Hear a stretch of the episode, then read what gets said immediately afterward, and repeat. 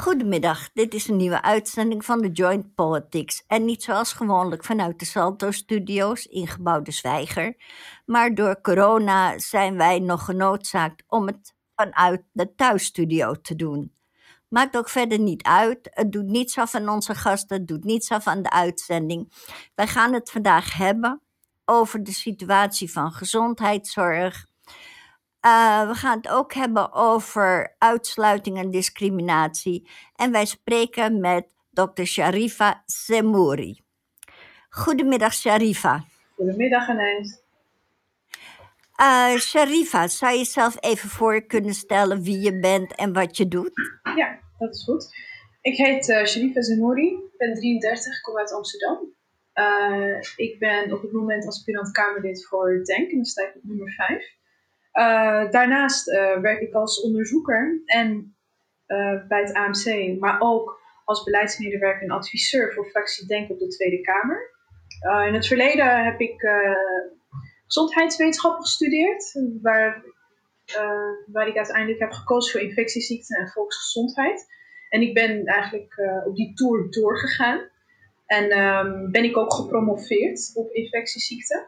En uh, in het bijzonder infectietransmissie via aerosolen. En dat is uh, nu een heel hot item in verband uh, met, met de coronapandemie.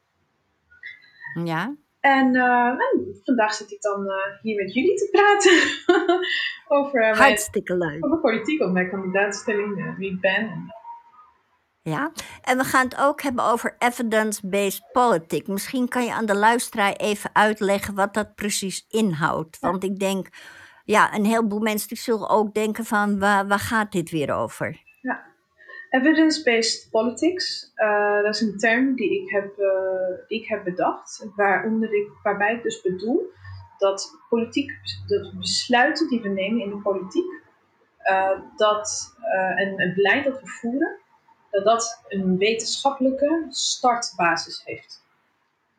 dat wil zeggen dat we ons laten informeren op basis van de wetenschap.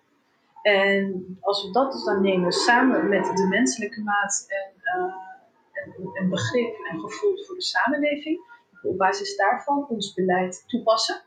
In plaats van dat we ons laten informeren op basis van de waan van de dag of onderbuikgevoel. Of uh, ja, wat een, wat een partij eigenlijk leuk vindt. Dus kort gezegd dat men uitgaat van de wetenschap en dat men niet uitgaat van hoeveel kiezers zal ik trekken met dit besluit. Inderdaad. Oké. Nou, ik denk dat we maar moeten gaan beginnen.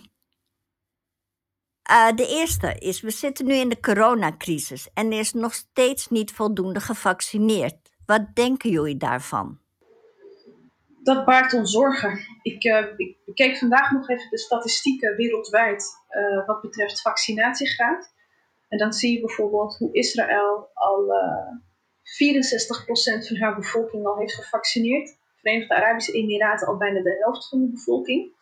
En dat we in Nederland eigenlijk nog onderaan het lijstje staan van de wereld, maar ook in de Europese Unie zelf. En dat baart ons zorgen.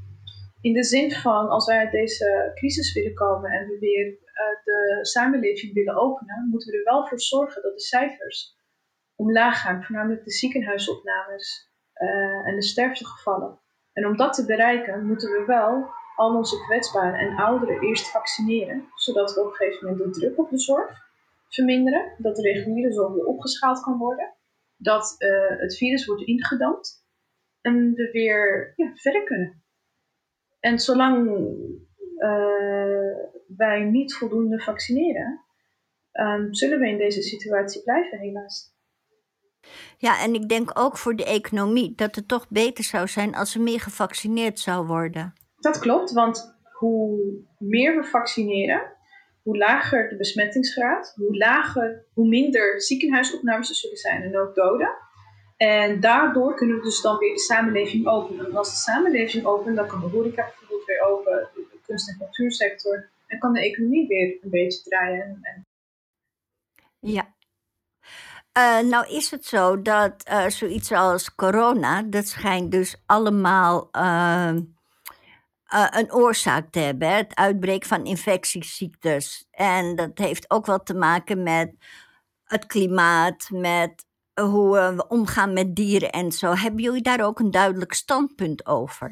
Ja, zeker. Kijk, ehm, wat we zien bij virussen is dat ze al een virus dat komt niet zomaar uit de lucht vallen. Het heeft altijd een bron en een oorsprong. En in het geval van corona, maar hetzelfde bijvoorbeeld ook met influenza of met ebola bijvoorbeeld in het, het verleden, vinden heel veel van die virussen hun oorsprong in dieren. En op een gegeven moment heb je dus een overdracht van dier op mens. En wanneer uh, te dicht op dieren zitten, dus kijk bijvoorbeeld naar de, de die we eerder hebben gehad in Nederland, waar de boeren die in contact waren met de geiten, dan krijg je dus dat zo'n virus overspringt van een dier op een mens. En dan op een gegeven moment verspreidt het zich nog sneller onder de mensen. Dus hoe wij met dieren omgaan, en als we dus dan kijken naar de mogelijke oorzaak van het huidige coronavirus, dat dat dus in uh, China was ontstaan, dat, dat begon dus op zo'n dierenmarkt. En is het ook een oorzaak dat men de um, oerwouden helemaal ontbost? Dat, zeg maar, dat men huizen bouwt in territorium waar normaal dieren leven die infectieziektes hebben, die je eigenlijk normaal niet zou tegenkomen. Maar doordat je hoe langer hoe meer uh, het bos afbreekt, dat die ziektes vrijkomen, doordat die dieren bij de mens komen. Um, zelf zie ik geen verband tussen ontbossing en infectieziekten. Want laat, ik geef dan een voorbeeld van ebola. Uh, ebola is volgens mij niet een probleem van ontbossing. Maar is het dat mensen dus, wat ze dan noemen, dus dat bushmeat moeten hebben. Uh, dus vanwege armoede en vanwege honger gaan, gaan mensen dus de jungle in. Dan gaan ze dan jagen op vleermuizen. En die vleermuizen die eten ze dan op. Terwijl dus dan die vleermuizen, dat is de originele gastheer van het ebola-virus.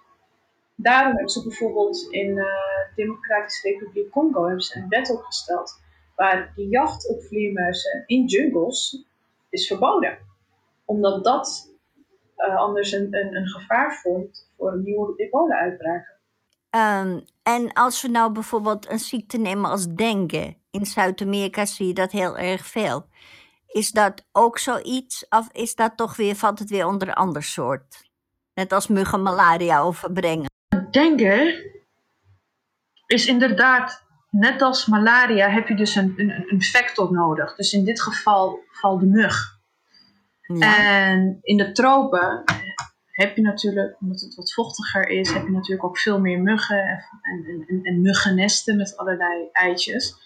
En mensen komen natuurlijk in contact met, met die muggen. En als dan zo'n mug uh, het virus heeft, of in het geval malaria is dan een parasiet, dan krijg je dus ook die overdracht.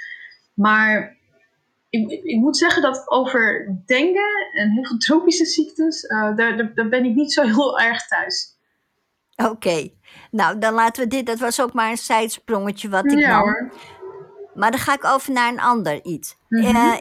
de partij Denken, is die ook bezig met de oorzaak van uitbreken van infectieziektes? En hoe denken jullie, uh, wat is een oplossing hiervoor?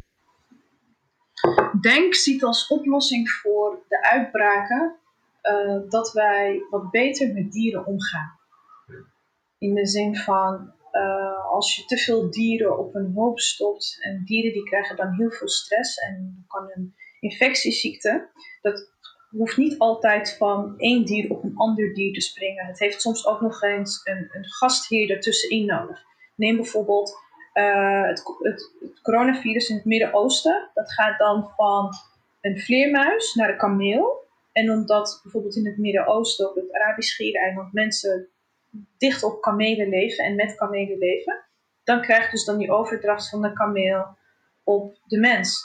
Wat uh, een goede zou zijn voor de toekomst, om toekomstige uitbraken te voorkomen, is dat we dus niet alleen maar uh, kiemsurveillance, noem je dat, doen onder de mensen zelf, maar dat we ook onze dieren testen. En dan kijken van wat is de dynamiek in ons dierenrijk wat betreft de wilde dieren en de overdracht tussen wilde dieren naar dieren die wat dichter op de mens staan. Denk bijvoorbeeld aan kippen of varkens uh, of geiten en, en, en kamelen. Dus we moeten, wat betreft de dierenindustrie, de, de, manier hoe wij met dieren omgaan, en de vleesindustrie, daar mag wel wat strenger um, op gehandhaafd worden en gecontroleerd. Dat is bijvoorbeeld ook een van de redenen waarom al die nertsenfabrieken in Nederland uh, zijn dichtgegooid, omdat het coronavirus oversprong naar de nert. En binnenin de nertsen zelf was er dan weer een overdracht. En dan heb je dus dan een gevaar dat het virus binnen de nertsen dan weer gaat muteren. En als je dan werknemers hebt die bij die dieren in contact komen, dan gaat het dan weer terug op de mens en dan verspreidt het zich weer. Dat is wat we hadden gezien in Denemarken.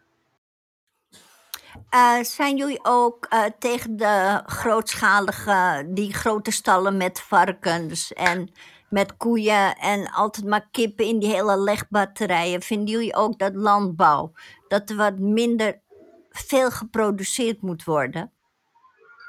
Um, kijk, het is een feit dat al die, dat de, biomassa, dat de biomassa-industrie, dat dat niet gezond is, nog voor ons klimaat, nog voor de dieren zelf.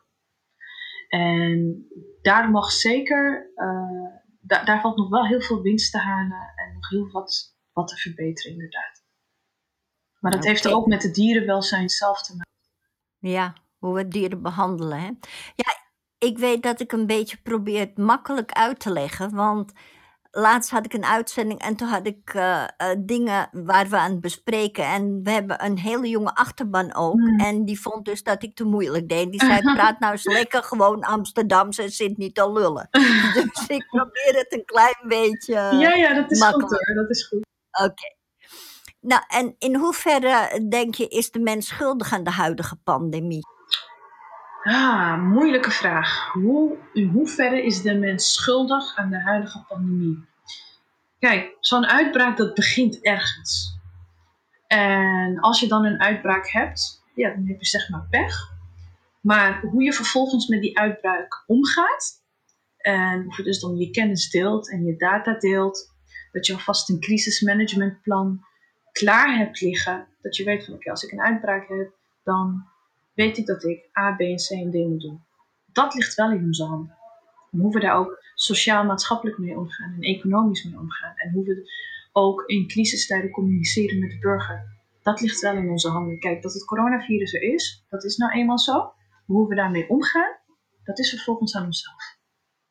Ja, en dat denk ik er ook aan. De laatste jaren is er ontzettend bezuinigd op gezondheidszorg. Er zijn ziekenhuizen gesloten. En is dit nu ook niet een klein beetje de rekening die we gepresenteerd krijgen van dat beleid van de afgelopen jaren?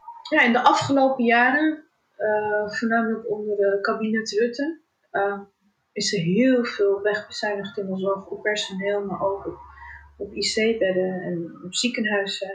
Dan kreeg je natuurlijk ook weer de marktwerking, waardoor het meer ging om geld in plaats van kwaliteit. En wat er dan gebeurt is wanneer er een crisis ontstaat, dan kun je zien of je systeem crisisbestendig is of niet.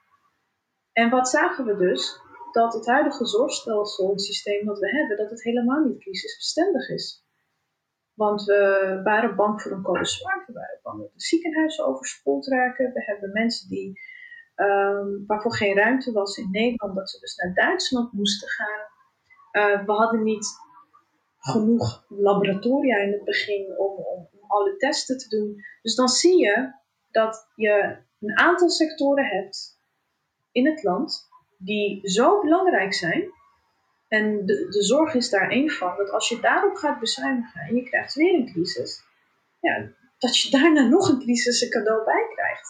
Dus we kunnen het echt ons niet meer veroorloven om op de zorg, om op essentiële sectoren te gaan bezuinigen.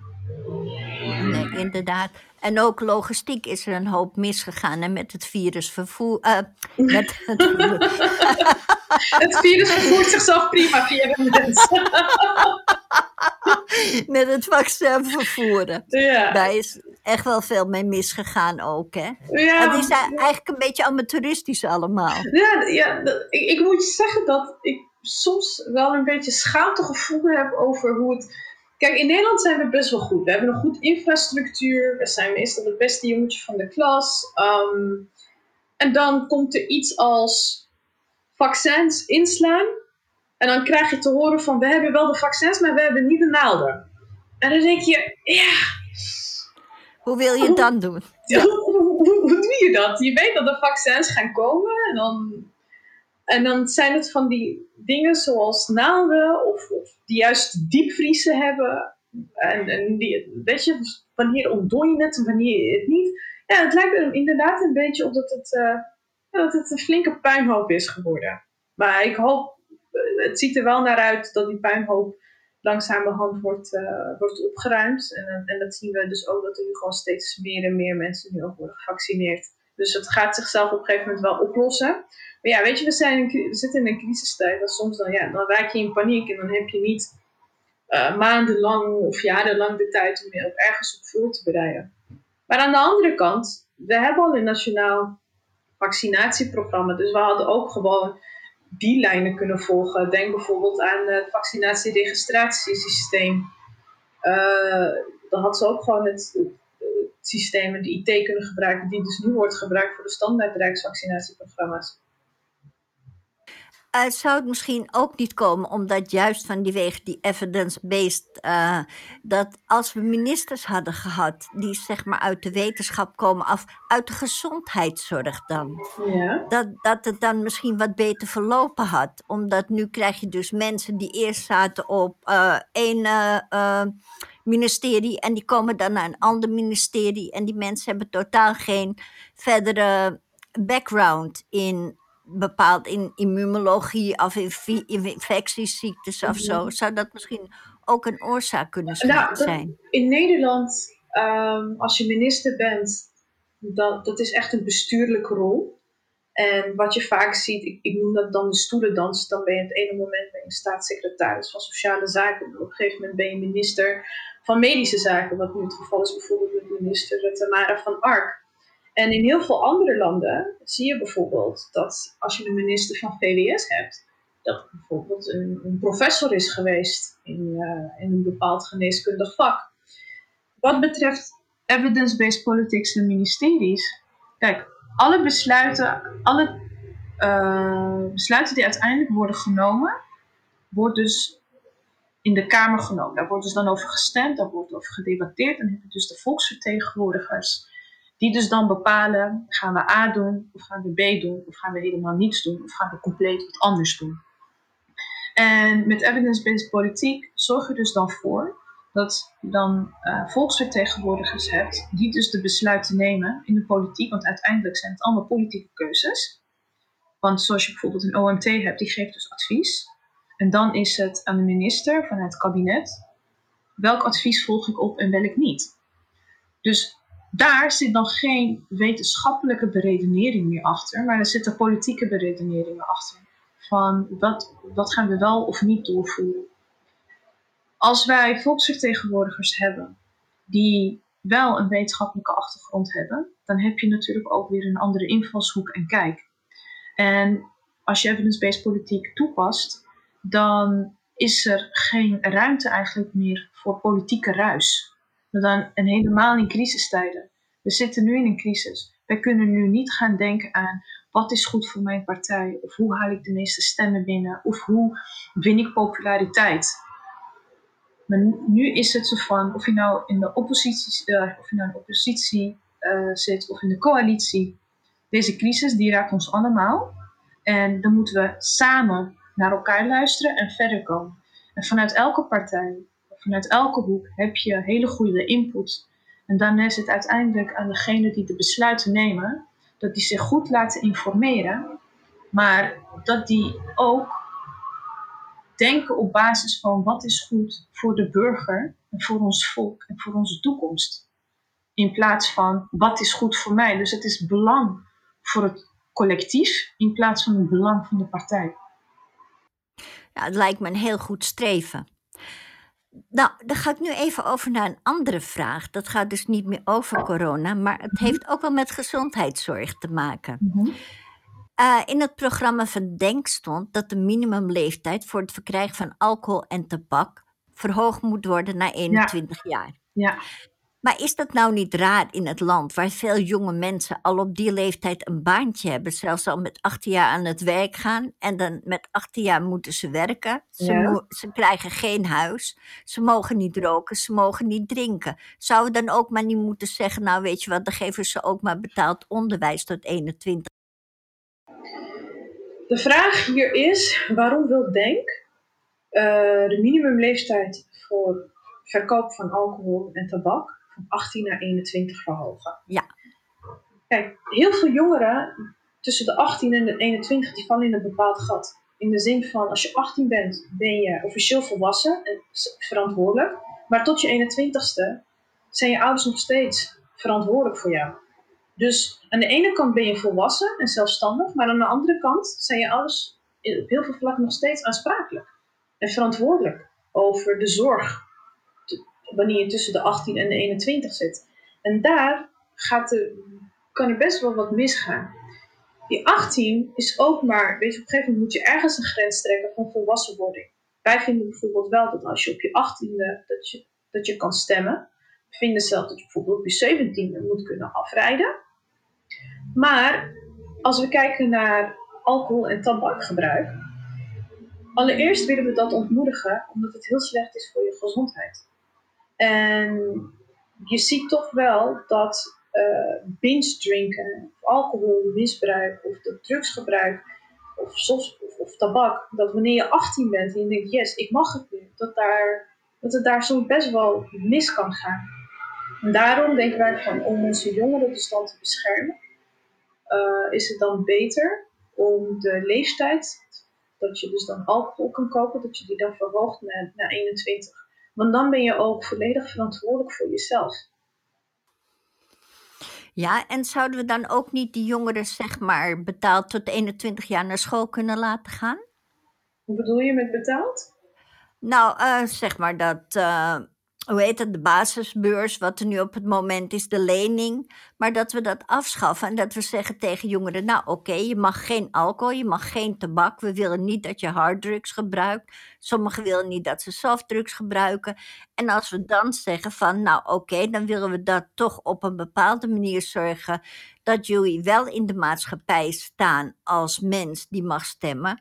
Maar wij doen daar ook wat voor, terug. Wij, wij zeggen, jullie mogen doorstuderen. Dus zeg maar, wat je nu hebt, dat leenstelsel eraf. En jongeren belonen voor het niet drinken, afroken. Kijk, Met goede sowieso, scholing. sowieso eh, moet dat leenstelsel dat moet weg. Denk is vanaf het begin, bij, van- vanaf de invoering van het leenstelsel, als ik het goed uit mijn hoofd heb, was het GroenLinks, D66, PvdA en de VVD die samen dat leenstelsel hebben ingevoerd. En dat is gewoon een straf voor de jongeren. Want je laat jongeren, eh, die sta je toe dat ze een valse start in de samenleving hebben. Educatie moet toegankelijk zijn voor iedereen. En als je dus dan je opleiding hebt afgemaakt en je maakt een start op de arbeidsmarkt, moet je niet met 10-0 achterstand beginnen. Dus educatie en het, consumeren van alcohol, dat, dat- die staan los van elkaar. Educatie, dat is voor ons een basisrecht. Iedereen moet naar school kunnen en iedereen moet dat ook hier gewoon in Nederland kunnen. En dat je dus niet een lening hebt. Wat betreft alcohol, dat is schadelijk voor je lichaam. En omdat we dus dan zien dat jongeren onder de 21, dat daar vaker alcoholmisbruik voorkomt, binge drinken, en dat het toch wat problemen geeft in hun gezondheid en in de samenleving, dat we dan zeggen, we moeten dat dus sowieso altijd ontmoedigen. We moeten softdrugs ontmoedigen, we moeten tabak ontmoedigen, maar we moeten ook alcohol ontmoedigen.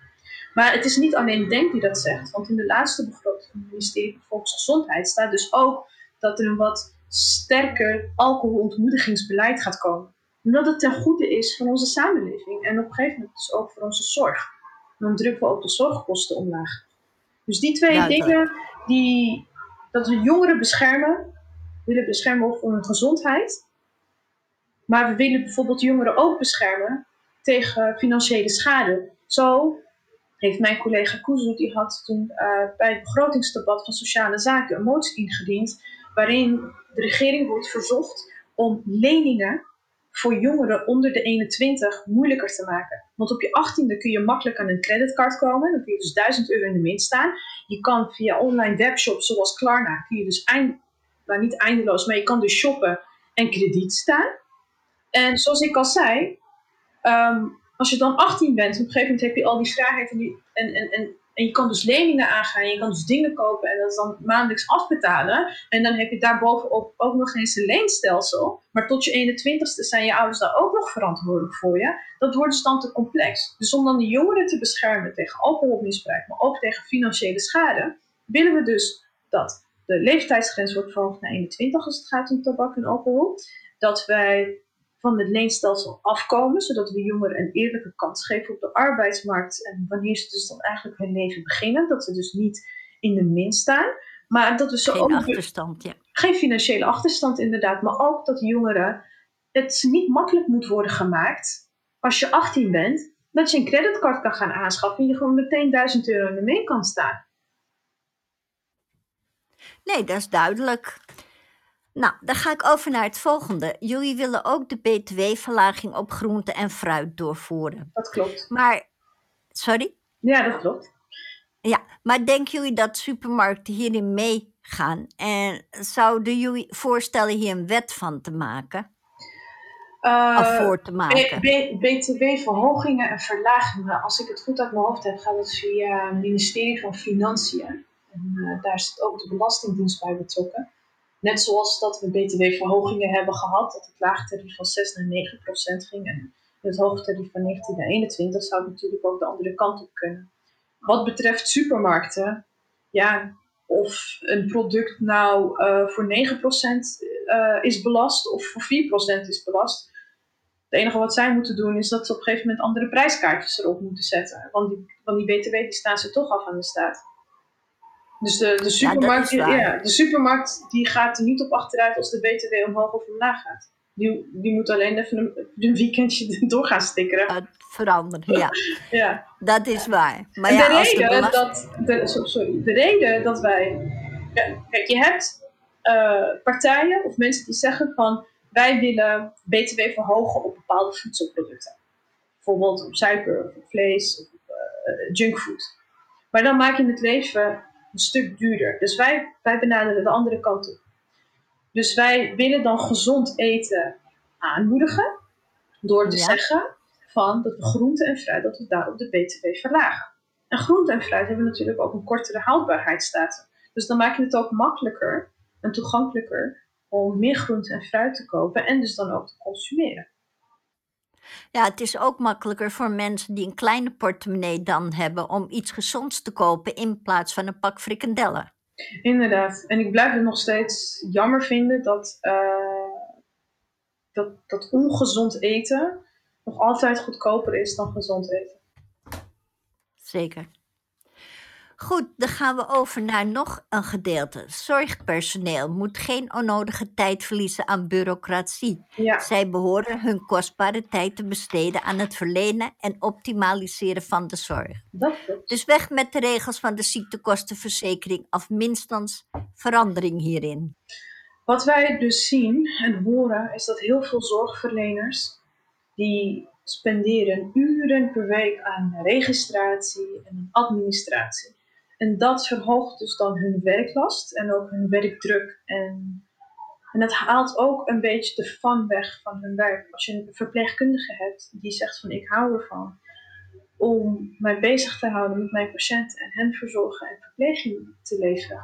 Maar daartegenover staat wel dat ik het hele weekend lang administratie moet gaan doen en allerlei codes moet gaan invoeren en, en, en gevechten moet aangaan met zorgverzekeringen of ik dingen nou wel of niet goed krijg. Daar haal je ook een beetje het plezier van die zorgverlener weg. En we willen juist dat mensen met plezier hun werk kunnen blijven doen, maar ook dat ze het werk doen waarvoor ze geschoold zijn. Dat jij Ja, als jouw baan is dat jij mensen verpleegt, dat je dat dus dan ook doet, in plaats van dat je je kostbare tijd en energie verliest aan allerlei papieren en bureaucratie. We zeggen niet haal het helemaal weg, want je moet nog altijd natuurlijk declareren en verantwoorden. Maar daar mag wel een wat slimmer systeem in komen, dat zorgverleners minder tijd en energie kwijt zijn aan papierwerk. ja, minder regeltjes. Mijn eh, fysiotherapeut die vertelde, hij is bijna net zoveel tijd kwijt aan administratie als aan behandeling. En voor de administratie krijgt krijgt hij niet betaald. Nee, En dat hij nog eens, hè, moet hij een soort uh, survey onder zijn patiënten doen van of ze een onderzoek of ze tevreden zijn, maar dat moet hij zelf betalen. Dus ja, dat is dan wel helemaal sigaren uit eigen doos natuurlijk. Ja, ja ik, ik, ik, heb zelf veel uh, fysiotherapeuten, uh, mensen die therapeuten in mijn omgeving, die klagen precies over hetzelfde. Dat als ze acht uur lang patiënten hebben behandeld, daar genieten ze enorm van. En terwijl dan de patiënt in, in, in de praktijk is, heb je zo'n programma waar je dus een behandelplan bij houdt, dat je opschrijft hoe het gaat met de patiënt, wat je hebt gedaan, et cetera. Maar vervolgens een hele rapporten te moeten schrijven van alles en nog wat. Ja, daar krijgen ze niet voor betaald. En dat is jammer. Nee. Want ja, dat is ook onnodig. Ja, kijk, registratie moet altijd. Je moet altijd dingen bij blijven houden, zodat je dus ook aan de verzekering kan verantwoorden hoeveel behandelingen een bepaald persoon heeft gekregen en waarom. Maar dat het wel wat gedoseerder mag. Dat je niet zoals jouw fysiotherapeut tegen je zegt, ik ben evenveel tijd aan administratie kwijt aan patiëntenbehandeling. Weet je, waar doen we het dan nog voor? Daar haal je ook dat, dat werkplezier van weg. En dan netto ga, je er, ga je erop achteruit. Inderdaad, en het onnodig mensen die een bepaalde aandoening hebben die nooit zal verbeteren. En dan toch weer moeten invullen wat voor behandelplan je hebt. Dat is allemaal ja, dat kost ontzettend veel geld en die tijd. Hè? Mhm. Want geld is tijd, die kunnen ze weer voor wat anders gebruiken. Ja, ja, meer patiënten behandelen. Kijk, hetzelfde, hetzelfde heb je dus ook in de GGZ. Uh, de mensen die in de GGZ werken, uh, die krijgen dus betaald om bepaald werk te verrichten. Maar dan zijn ze ook heel veel uren kwijt aan administratie, terwijl de wachtlijsten bij de GGZ oplopen.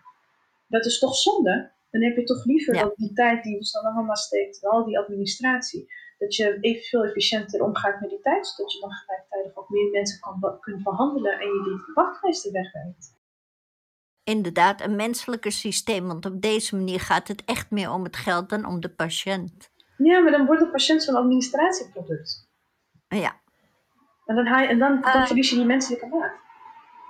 Over administratie gesproken. Jullie zijn ook voor het vrijkiezen van zorgverleners, hè? Jazeker. Ja, want daar is ook heel wat over te doen. Dat men nu, uh, dat de verzekering mag zeggen bij wie je wel en bij wie je niet mag. En dat is natuurlijk ook heel erg uh, slecht. Ja, kijk, zorg speelt vertrouwen en een goed gevoel een grote rol. Laten we zeggen uh, dat ik een psycholoog nodig heb.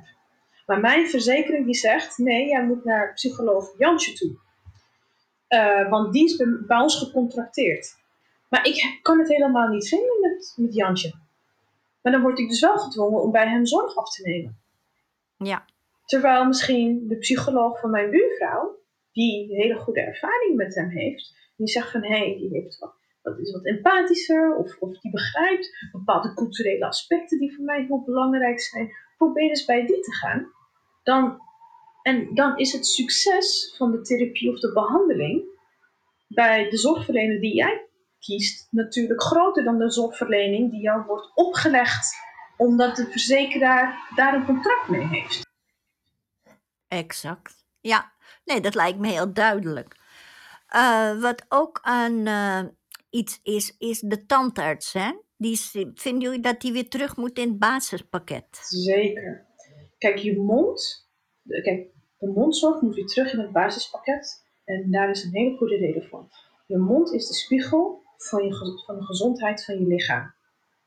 Kun jij je misschien nog herinneren dat in de geschiedenisboeken wordt, wordt geschreven dat vroeger, toen slaven werden verkocht, de eerste wat ze deden was dat ze de tanden controleerden van de slaven. Ja. En daar hadden ze een punt. Want als, als er dan iemand een slecht gebit had, dan wist je van, waarschijnlijk zit het ook niet goed met het rest van de gezondheid. Exact. En er valt zo. er, zijn, er is heel veel ongelijkheid als het gaat om mondzorg. Het is niet zo toegankelijk, het is wat duurder. En mensen met een klein besteedbaar inkomen of een klein portemonnee, die komen niet zo snel bij de tandarts. Dus omdat hij dan geen geld heeft voor een controle, ontwikkelt die persoon waarschijnlijk een gaatje. Omdat hij dus niet weet dat hij een gaatje heeft, wordt dat gaatje dus erger. En voor je het weet heb je een wortelkanaalontsteking. En als je, dan ben je alweer te laat, want dan ga je van een controle, wat, wat 21 euro kost, naar een wortelkanaalbehandeling van 400, 500 euro. En dan ben je nog verder weg van huis.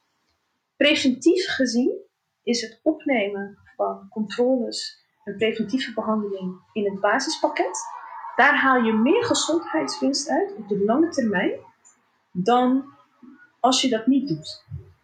Klopt. Want het is ook namelijk zo dat als je in je mond infecties hebt, dan kan dat toch overslaan naar je hart en je bloed en Dat zo. klopt, heb je heel goed gezegd. Uh, infecties in de mond, die zijn gerelateerd bijvoorbeeld aan hart- en vaatziektes. Ik geef een heel Ja. mooi voorbeeld. Als iemand diabetes heeft, suikerziekte, en die persoon, die, die heeft dan ook heel vaak last van tandvleesontsteking. En van nog een heftiger vorm van tandvleesontsteking heet parodontitis. En wat zie je dus, is dat als je mensen een gebit behandelt en verzorgt, dat dan ook hun bloedwaardes en hun ziektewaardes van hun diabetes verbeteren. Dus het werkt beide kanten op. Dus ook Ja. voor mensen met chronische ziektes, of dat nou reuma is, of diabetes, of hart- en vaatziektes, die hebben een grotere kans op het ontwikkelen van ontstekingen in de mond, maar het werkt ook andersom. En inderdaad, dus al die ontstekingsfactoren en al die slechte bacteriën in de mond, die komen op een gegeven moment in de bloedbaan en dan krijgen ze dan ook andere klachten. Ja. Wist je dat ze bijvoorbeeld bij mensen met, eh, er is een keer dus, er zijn wat studies verricht, dat mensen die dus aan Alzheimer hebben geleden, dat wanneer ze eh, autopsie eh, verrichten op eh, mensen die aan Alzheimer zijn overleden, dat ze dus de slechte mondbacteriën in de hersenen hebben gevonden. Waardoor, Oh, ja. Waardoor er dus nu zegt ze van er is een verband tussen een slechte mondgezondheid en die slechte bacteriën en de ziekte Alzheimer. Dus we zien dus nu steeds meer dat de, tandheel, de- dat de tandheelkunde en de geneeskunde, die komen steeds dichter bij elkaar. En het is heel jammer om die twee los van elkaar te zien, want je mond is toch een onderdeel van je lichaam. En alles wat je eet, alles wat binnenkomt, komt eerst binnen via je mond. Om die twee dus dan van elkaar los te trekken, daar doen we alleen maar, eh, verrichten we eigenlijk alleen maar schade. Dus als we dan kijken van ook qua kosteneffectiviteit en hoe zorgen we ervoor dat de zorgkosten in de toekomst, dat we die gaan verlagen, want onze zorgkosten die worden steeds hoger en hoger. En nu door de coronacrisis en de afgeschaalde zorg verwachten we dus dat de zorgkosten nog hoger gaan worden. Als dan moeten we dus nadenken van wat kunnen we nu doen om in de toekomst de zorgkosten en de zorglast en de kwaliteit van de gezondheid van onze populatie zoveel mogelijk verbeteren. En Ja, daar is mondzorg dus daar één van. En daarom hebben wij dus in ons verkiezingsprogramma, het hoofdstuk zorg, hebben we dus echt gekeken naar van wat is de wetenschap? Wat weten we over wat goed is voor onze volksgezondheid? En daar maken we dan onze partij eh, voor. Ja, het lijkt me heel erg goed, want het is ook nog eens zo dat mensen die een slecht gebit hebben niet goed kunnen kauwen en dat ook weer slecht is voor de spijsvertering. En daar krijg je ook weer allemaal ziektes van. Dus uiteindelijk spaar je een dubbel. eh, maar, we zien, maar we zien ook ondervoeding onder ouderen. Ja, heel erg veel. Vroeger heette dat toch de Moulinex-molen of zoiets dergelijks. Dat ouderen moesten allemaal een machientje hebben, dan konden ze allemaal hun ja. eten goed kauwen. Ja, ja, Ja. Maar dan krijg, je hebt ook best wel veel ondervoeding eh, onder de Ja. ouderen, omdat ze dus ja, hun gebit dan zijn verloren. Nou ja, je bespaart een dubbeltje om een kwartje uit te geven uiteindelijk. Juist, en dat willen we voorkomen. Oké. Nou, gaan we even naar een heel ander onderdeel van de eh, maatschappij. En dan gaan we. Ehm, jullie hebben in jullie programma staan stoppen met het korten van ouderen, omdat ze een klein huisje in het land van herkomst bezitten. Ja. En het verruimen van de mogelijkheden tot verblijf in het buitenland binnen de AIO. Dat is dus de aanvulling op de AOW voor mensen die dus niet zo lang in Nederland zijn, dat zij een volledige AOW kunnen krijgen, maar wel hun leven lang hier gewerkt hebben. ja. Goed, nou hebben jullie die. Nou is er de kostendelersnorm, hè? Mhm. Dus mensen die dan nog kinderen in huis hebben, zij voor mantelzorg of om de andere reden, die worden gekort aan alle kanten. Wat Ja. eigenlijk een heel discriminatoire maatregel is. Ja. Zijn jullie ook tegen die kostendelersnorm? Denken is tegen de kostendelersnorm. Omdat wij vinden dat je niet beboet moet worden omdat je voor elkaar zorg draagt.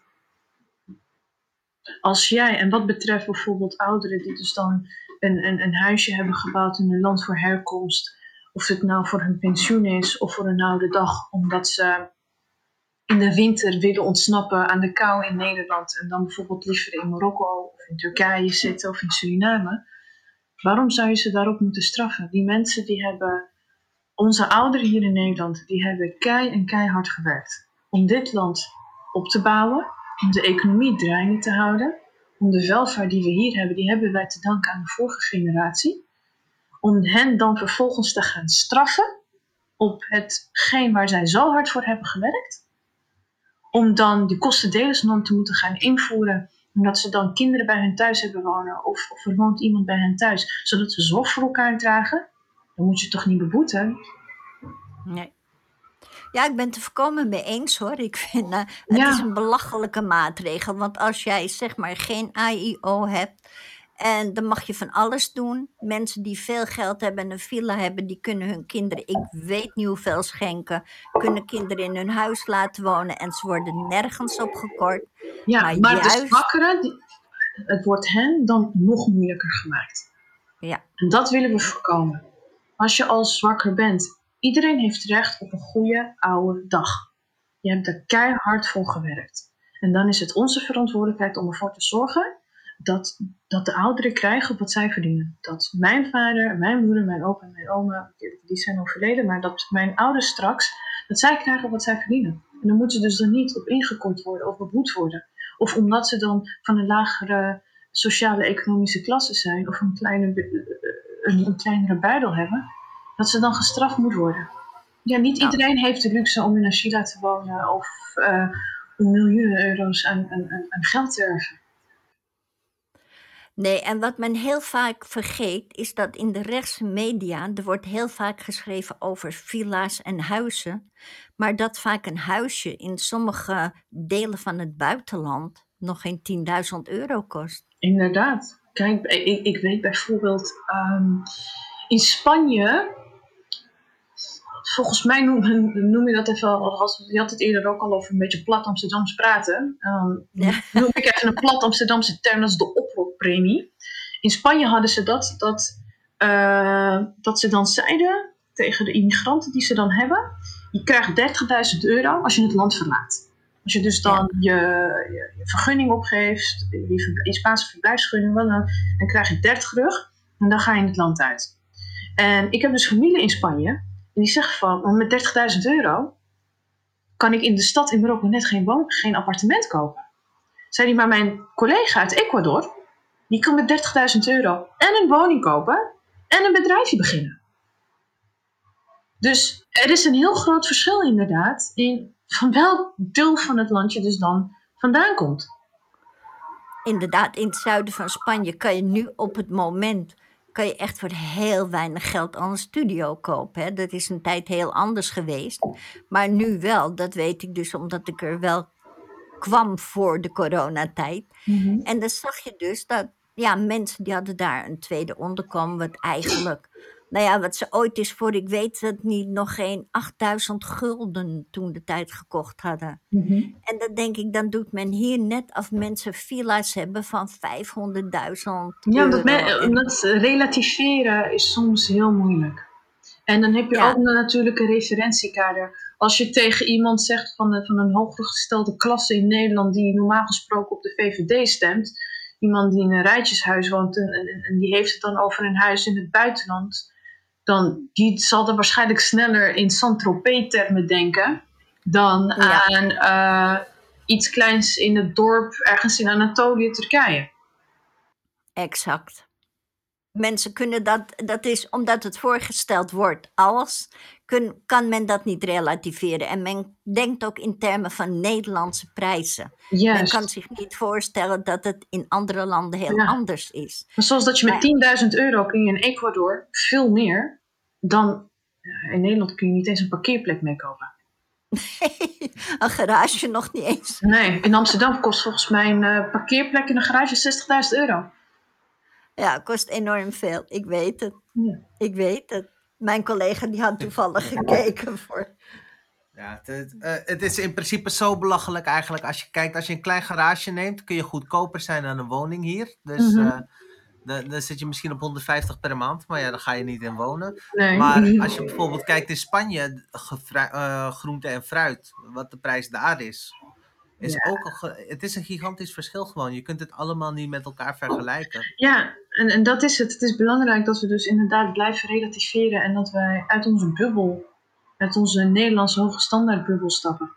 En dat we dus dan ook gaan inzien van dat er grote inkomstenverschillen zijn en leefstandaardverschillen. Maar die standaard, daar hoeven we niet eens buiten de grenzen te kijken. Dat hebben we ook in Nederland. Dus bijvoorbeeld weer terug naar de tandarts. Uh, ik kan ik ga volgende week hebben dan een tandartscontrole. Ik heb geen verzekering uh, voor tandheelkunde, omdat mijn gebit heel goed is. En dan ga ik twee, twee keer per jaar naar de tandarts en dan betaal ik in totaal vier tientjes. Ik kan dat missen. Maar dat zou het heel naïef van mij zijn als ik dus dan afkeurend ben naar een gezin. Dat ik denk, nou, nou kun je niet even twee tientjes missen voor de tandartscontrole. Terwijl dat gezin misschien wel van de voedselbank moet leven. Of het besteedbaar inkomen dat wordt dus zo klein omdat het minimumloon dus niet stijgt. En het het leven wordt alleen maar duurder en duurder. En dan heb je dan bijvoorbeeld zo'n gezin of, of, iemand die dus moet gaan kiezen tussen van ga ik naar de tandarts nu laten controleren op gaatjes of ga ik boodschappen doen zodat ik de rest van de week te eten heb. En de keuze die, snel gemaakt? Ja, dus de keuze inderdaad heel snel gemaakt. En, en ik heb dus het gevoel ook met het rechtse sentiment dat we hebben in Nederland, dat we dat vergeten en missen. En daar doen wij onszelf heel veel pijn mee. Dus collectief gewoon als, als, compleet Nederland, ongeacht in welke wijk je woont of, of, of, wat je, of in welke belastingschijf je valt. Je, doet daar linksom of rechtsom, dan doen we elkaar daar pijn mee. Als we daar geen rekening mee houden. Helaas is de maatschappij zo geworden op het moment, hè? Ja, maar dat is waarom Denk zich zo hard inzet tegen... Ik noem het, ik wil letterlijk de ongelijkheid in Nederland wegpoetsen. Ja. En dus echt, dus echt letterlijk wegpoetsen. Kijk, mij maakt het niet uit of je gaatjes krijgt. Maar mij maakt het wel uit dat als jouw uh, afkomst, of de wijk waar je woont, of je opleidingsniveau, of je portemonnee bepaalt dat jij gaatjes krijgt. En dan krijg je dus ongelijkheid. En die willen we dus weghalen. Dus ik wil, wij, willen, wij denken, we willen eerlijke kansen. Wij willen eerlijke rechten op kansen. En dat, we, dat is een mooi streven. En kijk, natuurlijk heb je verschillen. Maar wij als beschaving en een rijk land moeten er alles op alles zetten om die verschillen zoveel mogelijk dus in dit geval als we het gaan hebben over mondzorg, dat we het niet letterlijk gewoon wegpoetsen. Nee. Nee, ik vind het een looflijk streven. En aangekomen bij ongelijkheid wil ik nu aankomen bij discriminatie en asielbeleid, als je het daarmee eens bent. Ja. Gaat u gang. Uit jullie programma dat de grondoorzaken van migratie aangepakt moeten worden. Dat betekent dat Afrikaanse landen niet leeggeroofd mogen worden door westerse grootkapitalisten en Chinese staatskapitalisten. Ook is Denk enorm terughoudend in militaire interventies die regio's en landen destabiliseren.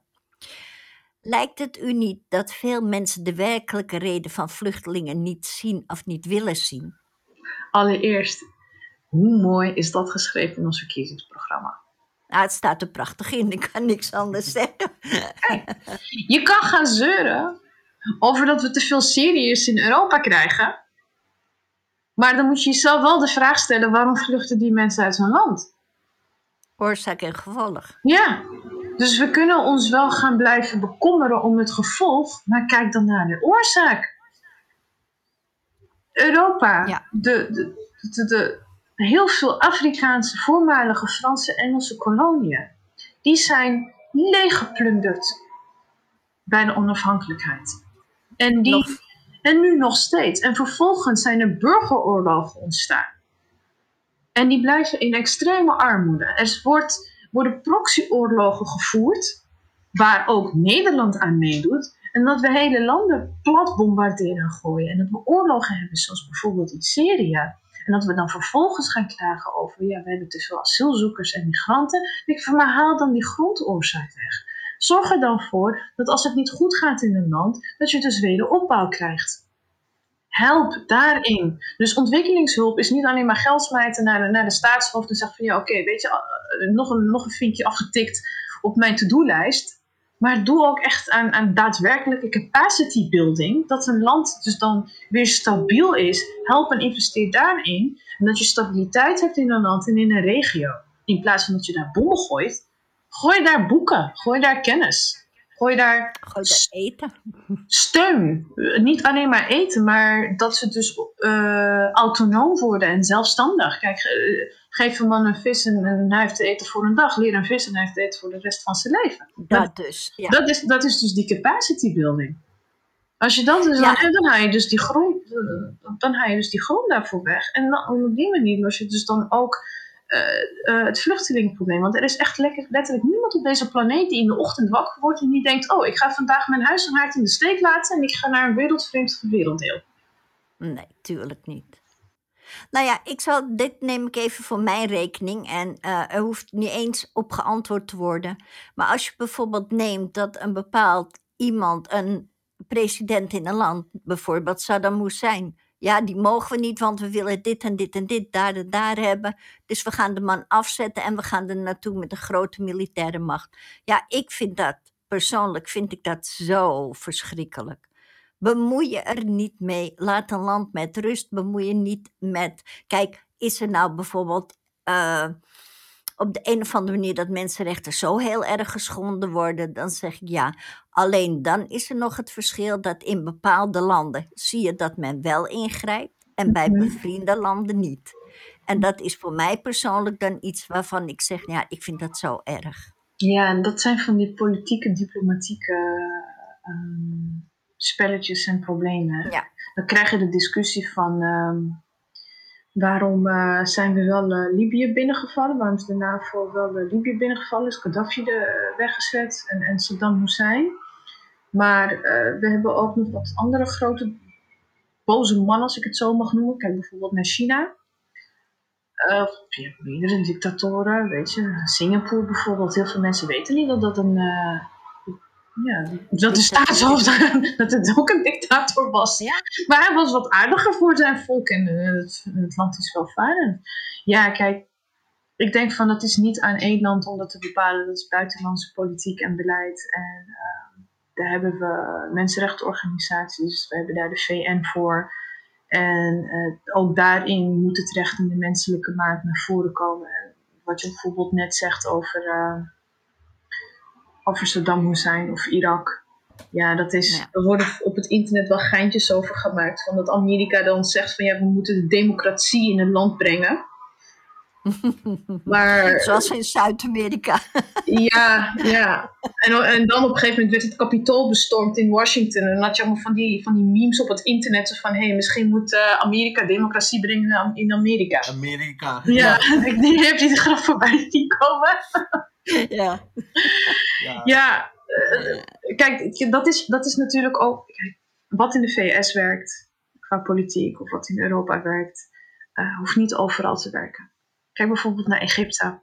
In Egypte hebben ze voor het eerst een democratisch gekozen president. En de uitkomst die ze kregen, die vonden ze niet leuk, want dat was dus eh Morsi van de moslimbroederschap. Dus Ja. werd die afgezet, had je een koep en nu heb je weer dus een hoofd van het leger, eh, Sisi, die de macht Ja. heeft overgenomen. Ben je dan veel opgeschoten? Van, Nou, die Van- is erger, want Morsi was beter. ja, maar daarvoor had je Mubarak, die ook een dictator was. En Ja. was sowieso ook geen democratie. En dan, weet je, ehm, ik, kijk, ik ben geen internationale betrekkingen expert of wat dan ook. Ehm, maar ook in dit geval zou, denk ik van als je de menselijke maat erin houdt en je hebt respect voor andere culturen en dat eh, elk werelddeel ontwikkelt op zijn eigen manier. Kijk, de ontwikkelingen die we hier in Europa hebben meegemaakt zijn natuurlijk anders dan in Latijns-Amerika. Dat heeft ook met de kolonisatie te maken, of bijvoorbeeld met Mhm. Azië. En dat je voornamelijk rekening moet houden met de standplaatsgebondenheid van een persoon, maar ook dus met de achtergrond en cultuur en ontwikkeling in een bepaald land. Eh, dus in, in bepaalde landen eh, heb je meer aan de republiek en in andere landen, kijk, kijk bijvoorbeeld naar Marokko, daar heb je een monarchie. En dat gaat tot zover ook in, qua internationale politiek gaat het prima.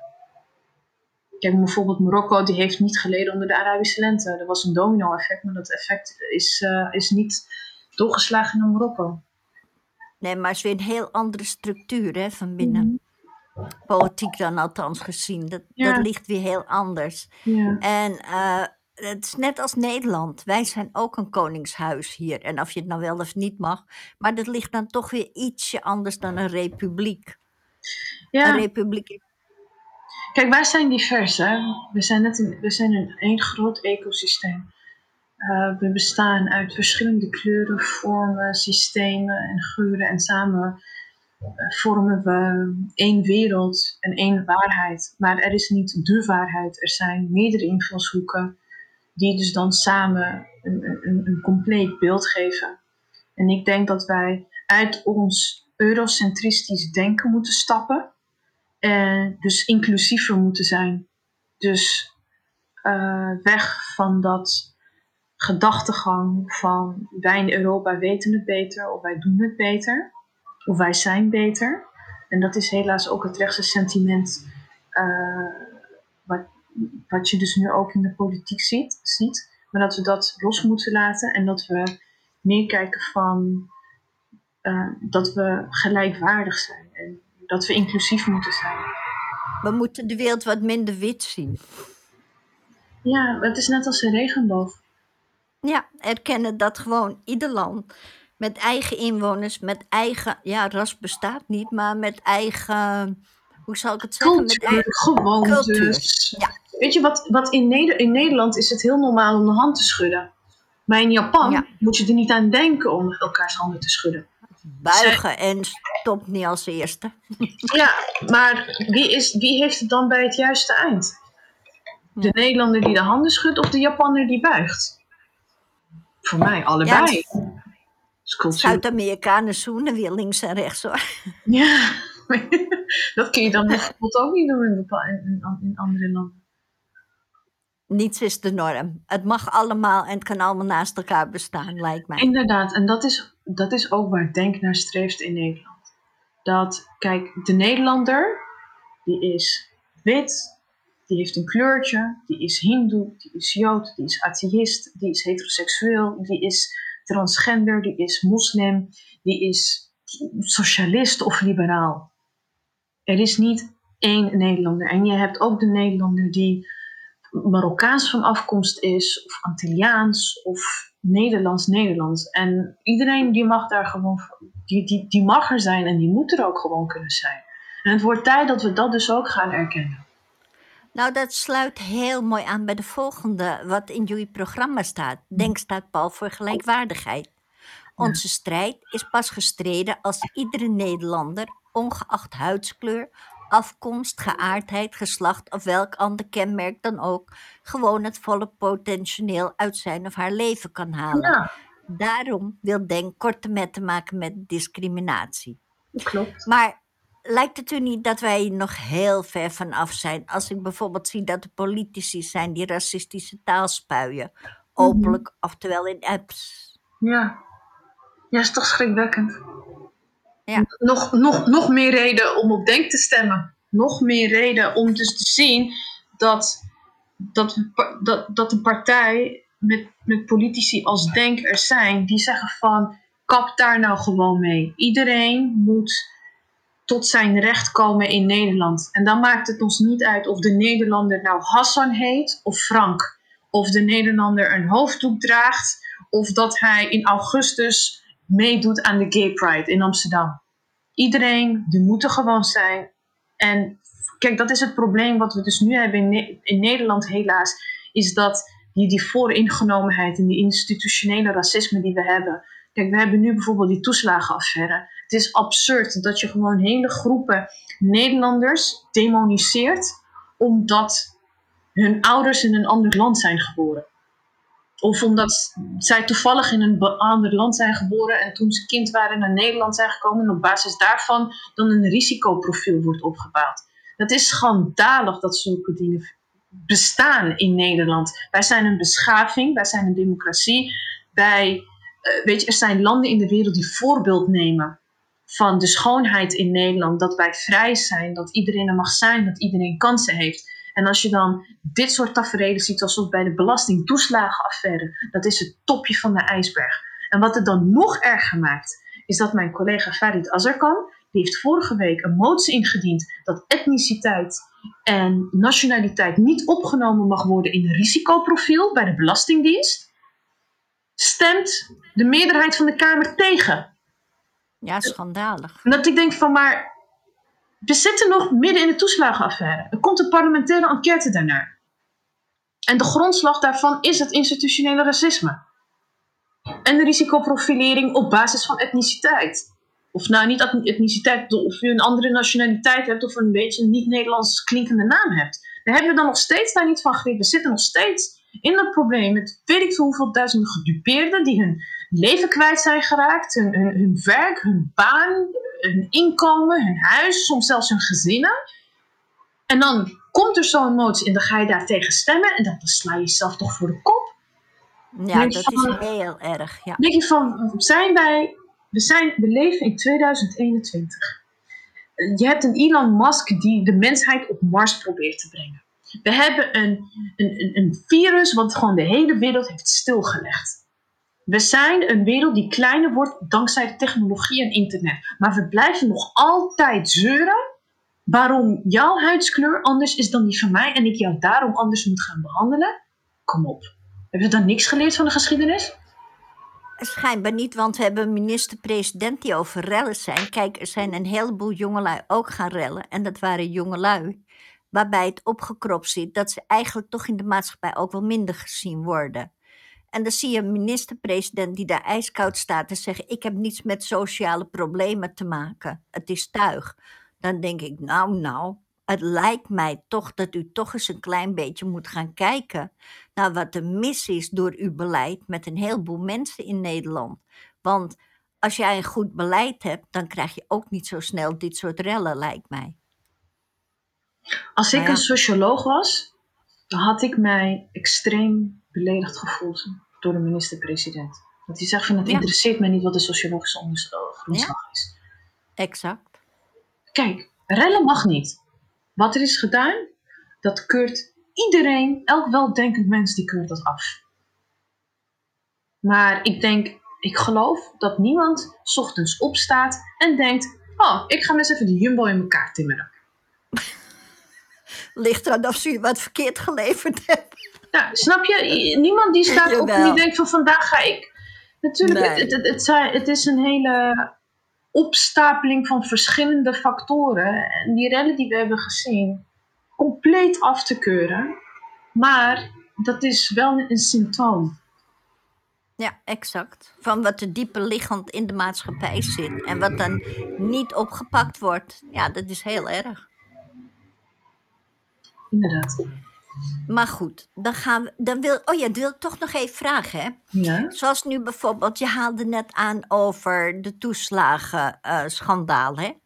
Maar zouden overheidsdiensten hierin geschoold moeten worden? Kijk, het zijn natuurlijk niet die ambtenaren die, die volgen ook maar op de regels die van hoger afkomen, wat nog mhm. erger is. Maar mhm. zou het niet een goed idee zijn om ambtenaren te gaan scholen hoe je om moet gaan met de verschillen in de maatschappij?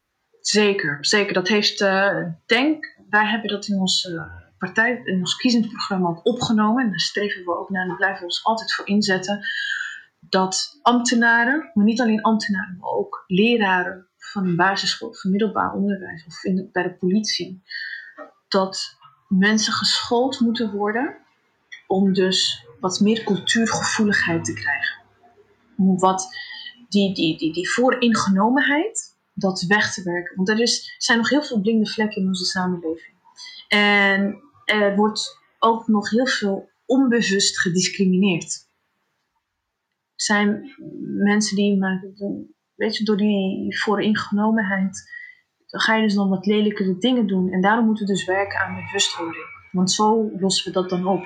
En inderdaad, dat kan dus via scholing.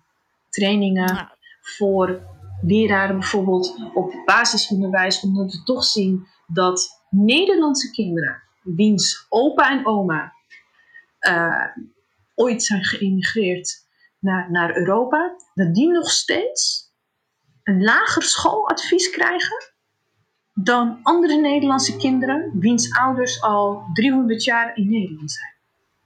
Ja, terwijl die andere kinderen, die ouders, eh, die grootouders waarschijnlijk al honderden jaren in Nederland waren, vaak een lager advies moeten hebben. Terwijl die kinderen die wel slim zijn, alleen die voorouders met mediterrane roots, die krijgen dan vaak een lager advies. En, En dat is schandalig. en, en dat is wel een trend die echt zichtbaar is. Dat kinderen, Nederlandse kinderen, dit zijn gewoon echt Nederlandse kinderen, die, wiens ouders ook gewoon in Nederland zijn geboren.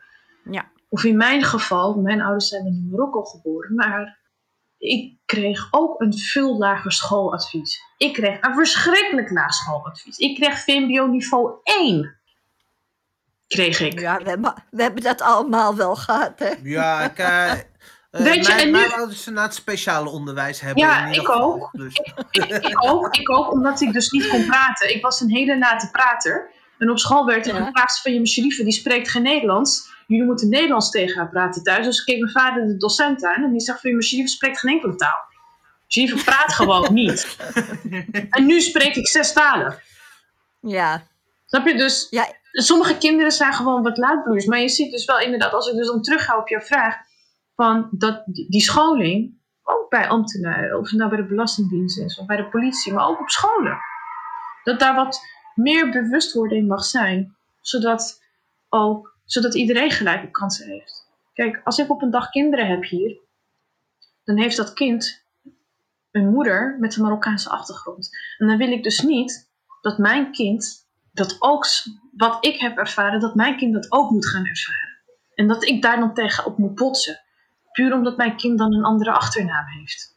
Of beetje een kleurtje heeft. Of een beetje een, een, krullenbol is. Met een, dat, in de, dat in de zomer heel erg donker wordt van, van huidskleur. Dat willen we voorkomen. En dat wil denk ik doen, inderdaad, eh, door scholing, bewustwording. Door daarop in te zetten. en doorgeven dat iedereen gelijkwaardig is. Ja. Ja. Nou, dan ga ik over naar het volgende, want we zitten nu toch al bij het school, bij het onderwijs en zo. Eh, jullie hebben ook het onderwijs en de publieke ruimte moeten we decoloniseren. Door aandacht te hebben voor het koloniale verleden en het slavernijverleden van ons land. ja. Vinden jullie als Denk dat je moet al heel vroeg beginnen met onderwijs geven in geschiedenis op scholen? Ja, ja, ja, ja, ja. Kijk, ze zeggen toch altijd, de geschiedenis eh, wordt geschreven door de, door de winnaar. Hoe zeg je dat?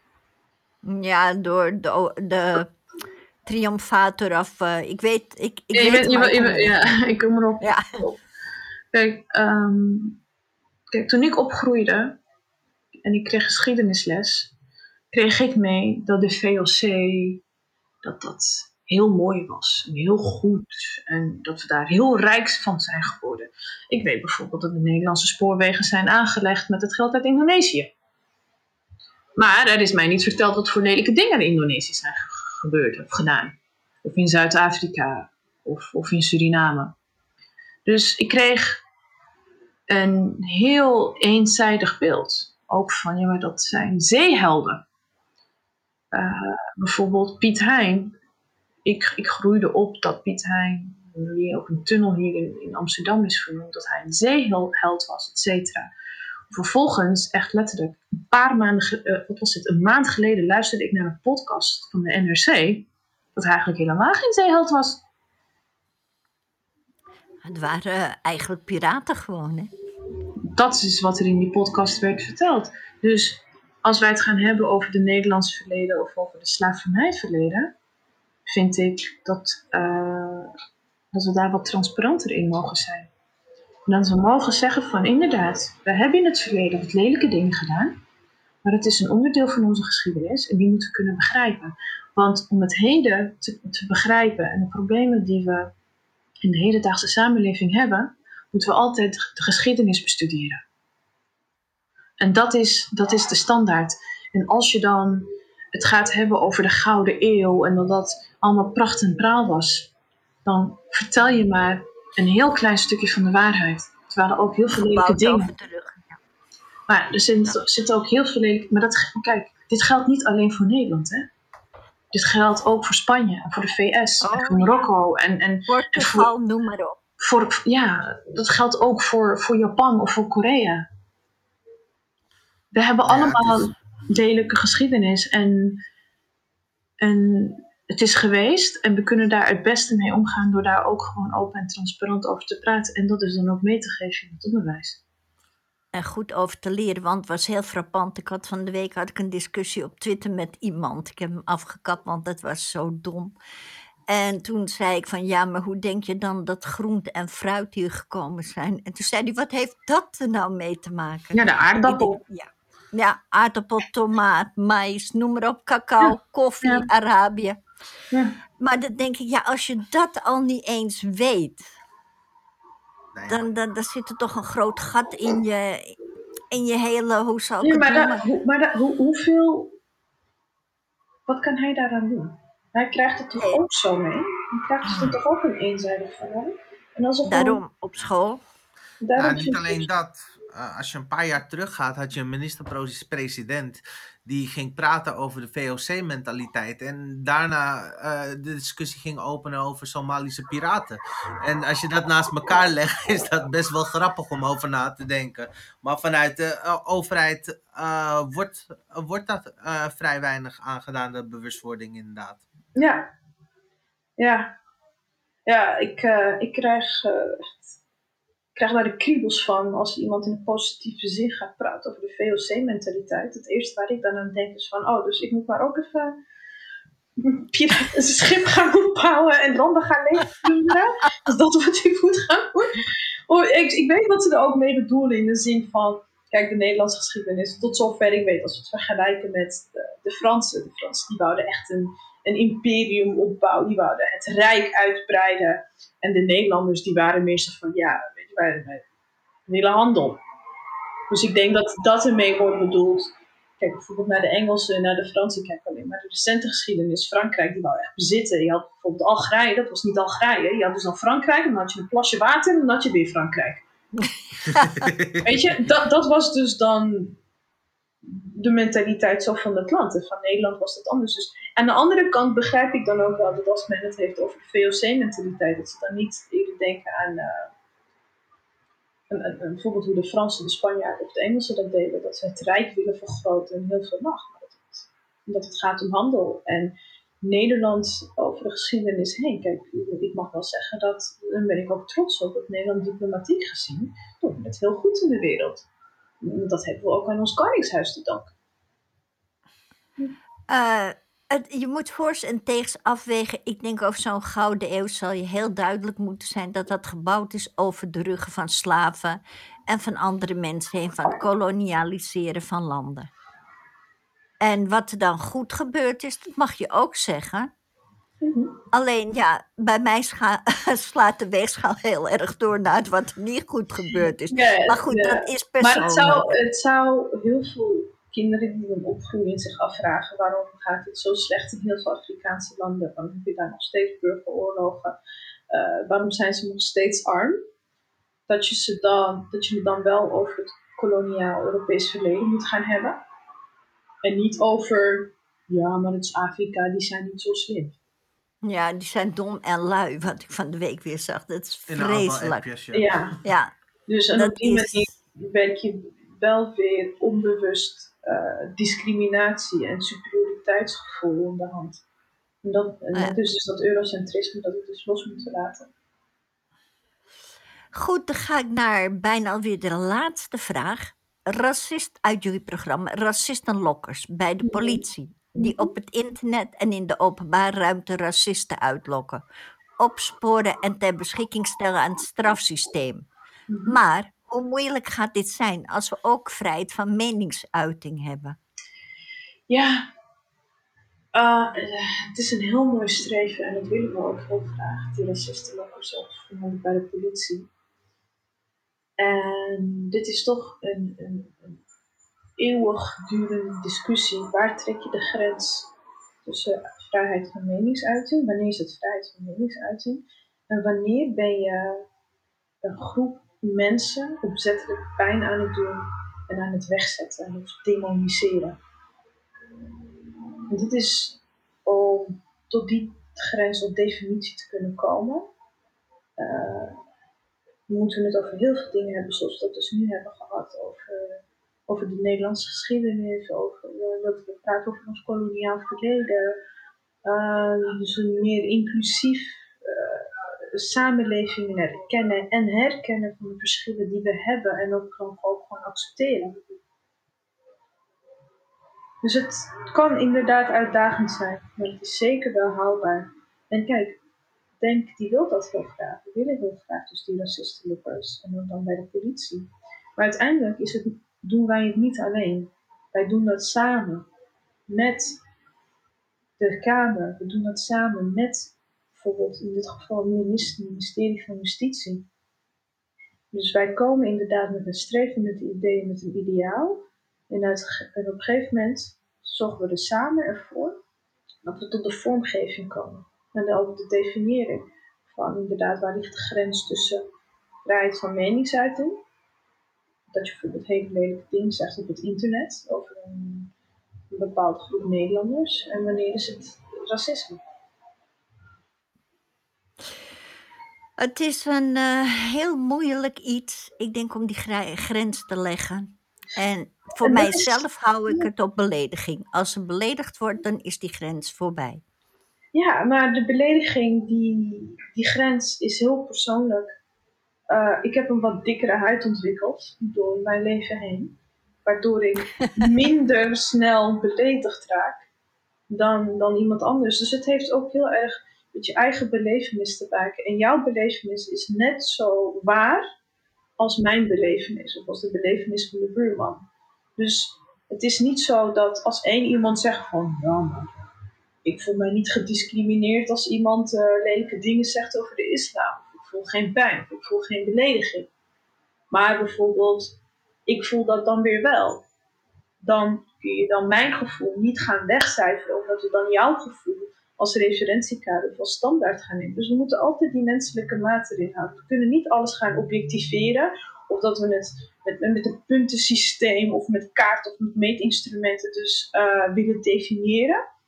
Maar het blijft toch nog wel altijd dat gevoel. En, en dat gevoel, ja, dat, dat is toch bij ieder persoon anders. En dat is, uh, weet je, en dat, dan hebben we het over menselijkheid. Ja. Nou ja, je hebt één punt wel waar je al aan kunt beginnen. Kijk, um, als je kijkt dat er uh, bijvoorbeeld bij die toeslagaffaire structureel is gediscrimineerd, kun je natuurlijk de algoritmes met omgekeerde uh, terugwerkende krachten eigenlijk invoeren. Ja. En daarin het systeem direct opsporen en uitschakelen. Ja. ja, klopt. Maar toen heeft mijn collega Farid Azarkan een motie ingediend dat nationaliteit niet opgenomen moet worden in het risicoprofiel. En dan, en dan zegt de meerderheid van de Kamer nee.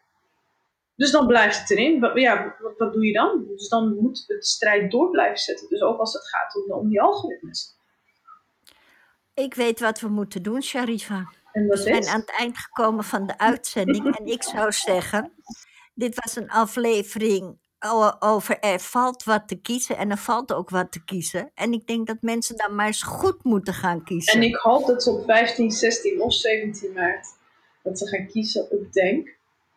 En het zou heel graag, dat zou heel fijn zijn, als je dan ook op mijn stem. Een nummer 5 voor de kieslijst Denk. Dat, dat zou heel mooi zijn. En ik vind deze uitzending gemaakt door twee mensen met een IQ van, wat hadden we ook weer, 90 hè? Ja, we hebben, wij hebben een IQ van 90, klopt. Ja, oké, nou, die, van, die van mij is dan eigenlijk laag omdat ik uit Afrika kom. Mijn oh, ouders komen uit Afrika, dus jullie winnen. Ja, nou. nou, we hebben het leuk gedaan hoor. We, we, hebben de strijd gewonnen, maar de oorlog zit er niet in. Dat nee. Is uh, blijf nog even hangen, Sharifa. Dan ga ik nu even gedag zeggen aan de luisteraars. Ja? Ja. Beste mensen, dit was weer de Joint Politics. Deze keer met Dr. Sharifa Semouri. We hebben het gehad over gezondheidszorg en discriminatie. En we zijn nog over veel meer dingen hebben we gesproken. Het was een enorm leuke uitzending, zeer leerzaam. En ik hoop dat jullie weten als je gaat stemmen dat er meer te stemmen valt dan het eeuwige gedoe. En dat we eindelijk eens de maatschappij gaan veranderen hier. Het was Anne Kortschreiner met 9G Music voor de Joint Politics. Bedankt voor het luisteren.